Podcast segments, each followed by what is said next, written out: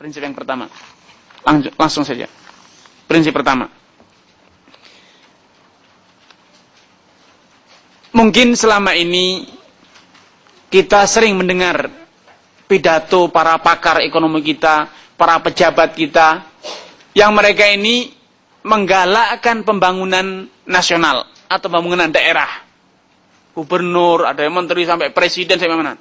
Mereka mengatakan, ini bagi yang rajin baca koran, nonton TV, baca internet, ujian di sini Pak. Mereka mengatakan pilar pembangunan suatu bangsa itu ada tiga. Saya sebutkan dua, yang tiga adalah ujian. Yang pertama adalah keamanan. Kemudian yang kedua adalah kesehatan. Dan yang ketiga apa Pak? Pendidikan. Mereka meyakini kalau tiga hal ini masyarakat sudah aman, tidak ada kekacauan seperti yang sekarang di Mesir misalnya. Kemudian kesehatannya bagus, layanan kesehatan murah. Nah, kemudian yang ketiga, pendidikannya tinggi, itu simbol pembangunan yang sukses. Pasti berhasil. Namun subhanallah, tidak pernah ada pakar kita yang mengatakan ada poin keempatan itu yang paling penting kalau Allah kehendaki. Kalau Allah rela. Kalau Allah ridho. Kalau memang sudah ditakdirkan Allah subhanahu wa ta'ala. Ini tidak belum pernah didengar dan belum ada pakar ekonomi kita yang mengatakan demikian. Padahal Allah subhanahu wa ta'ala, tolong Pak. Allah subhanahu wa ta'ala sebagaimana kita lihat pada ayat di, di layar, ma min dabatin fil ardi illa 'ala Allahi rizquha. Urusan rezeki itu urusan Allah Subhanahu wa taala. Sepenuhnya Allah yang memberi, sepenuhnya Allah yang mengatur. Dan saya, saya sebutkan ada ayat selanjutnya tolong Pak di selanjutnya lihat wa ma wa ma bikum min ni'matin Allah. Tiada nikmat kecuali dari Allah. Sehingga selama ini yang kita peroleh, yang Bapak dapat, yang Ibu dapatkan, itu sejatinya adalah garisan takdir saudara. Allah sudah yang memberikan. Allah yang telah memberikan jatah. Karenanya di dalam hadis Abdullah bin Mas'ud silakan dibuka.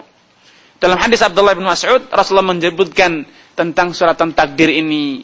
Puasanya sejak saudara ada di perut ibu saudara baru berumur 4 bulan sudah mendapatkan surat asuransi. Tidak usah diurus asuransinya. Asuransinya apa? Tentang empat hal. Di antaranya adalah asuransi tentang rizki. Allah sudah berikan jatah. Tatkala saudara berumur empat bulan di dalam perut kandungan ibu, bapak, dan sekalian. Allah sudah menuliskan jatah rizki, memberikan surat asuransi urusan rizki. Sudah Allah tuliskan, sudah Allah tentukan.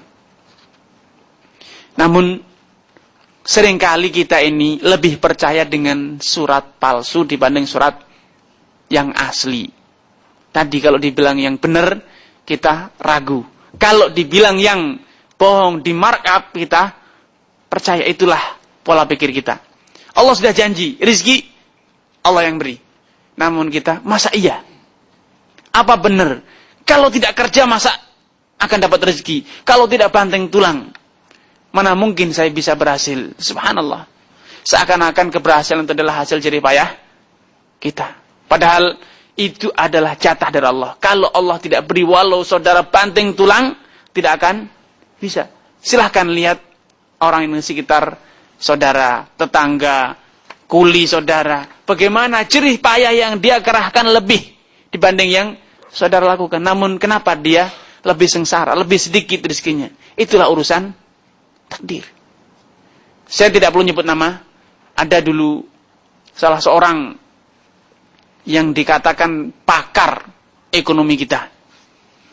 Dia mengurus perusahaan apa saja, perusahaan tersebut pasti jadi besar dan survive, untung besar dan masya Allah penafit. Akhirnya dia merasa, kemudian dia menjabat sebagai seorang menteri ekonomi kita. Dia merasa adalah orang yang pandai, punya pengalaman. Dia bikin perusahaan sendiri. Tapi perusahaannya hanya harus berjalan beberapa bulan dia harus segera gigit jari gulung tikar. Kenapa? Rezeki dia adalah kalau jadi kuli. Bukan sebagai pemilik. Itu suratan takdir dia. Seperti itu. Jadi kalau ngurus milik orang, banyak yang beli, banyak yang percaya. Tapi kalau ngurus miliknya sendiri, Allah tidak beri. Karena memang bukan jatahnya. Karena suatu hari Imam Malik mengatakan, Inna Allah qasama a'mal al-ibadi kama qasama arzaqahum. Sungguhnya Allah Subhanahu wa taala itu telah membagi amalan manusia sebagaimana Allah juga telah membalik membagi rizkinya. Allah telah mengatakan nahnu qasamna bainahum ma'isyatahum fil hayatid dunya wa rafa'na ba'dahum fawqa ba'din darajat. Sungguh kamilah yang telah membagikan membagikan rizki mereka di mana? Selama mereka di dunia Allah telah bagi. Kalau kita renungkan, ada orang yang Allah beri jatah rezeki di langit. Kalau dia terbang jadi pilot, dia dapat rezeki. Tapi kalau dia di darat, tidak ada yang membayar. Kalau dia menyelam, ada yang rezekinya di dalam lautan. Kalau dia menyelam, dia dapat, masya Allah, intan berlian, emas macam-macam, tambang dan macam-macam. Namun kalau dia ke pasar, tidak ada yang membeli dari tokonya. Ada orang yang kalau kerjaannya seperti ngelubangi tanah, nambang, rezekinya masya Allah, nomplok. Kalau ke hutan, nebang hutan, segera ditangkap polisi. Tidak bisa dia mengelola hutan. Kalau dia jualan buka toko-tokonya tidak ada yang beli itulah rezeki. Itulah suratan takdir Allah Subhanahu wa taala. Waktu silahkan Bapak yang sudah punya putra-putra besar yang sudah sekolah di perguruan tinggi, Bapak merencanakan masa depan putra Bapak nanti sekolah di sini agar bisa bekerja di perusahaan Bunafid, lapangan pekerjaan terbuka dan macam-macam. Namun tidak semuanya seperti yang Bapak inginkan. Betapa banyak anak yang disekolahkan di IT, rezekinya di mana? Perdagangan. Di sekolahan di perdagangan rezekinya di IT. Jangan dikira yang jual beli komputer itu adalah sekolahnya di IT semua. Tidak.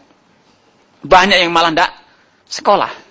Namun itulah jatah rezeki. Yang sekolah di IT bahkan tidak ada yang merekrut dia sebagai pegawai saja tidak ada.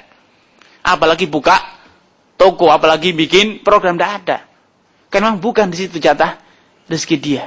Yang sekolah dulu di insinyur pembangunan, ingin direncanakan kalau saya lulus bangun ngelamar sana ngelamar sini tidak ada yang nerima. Rezekinya di mana?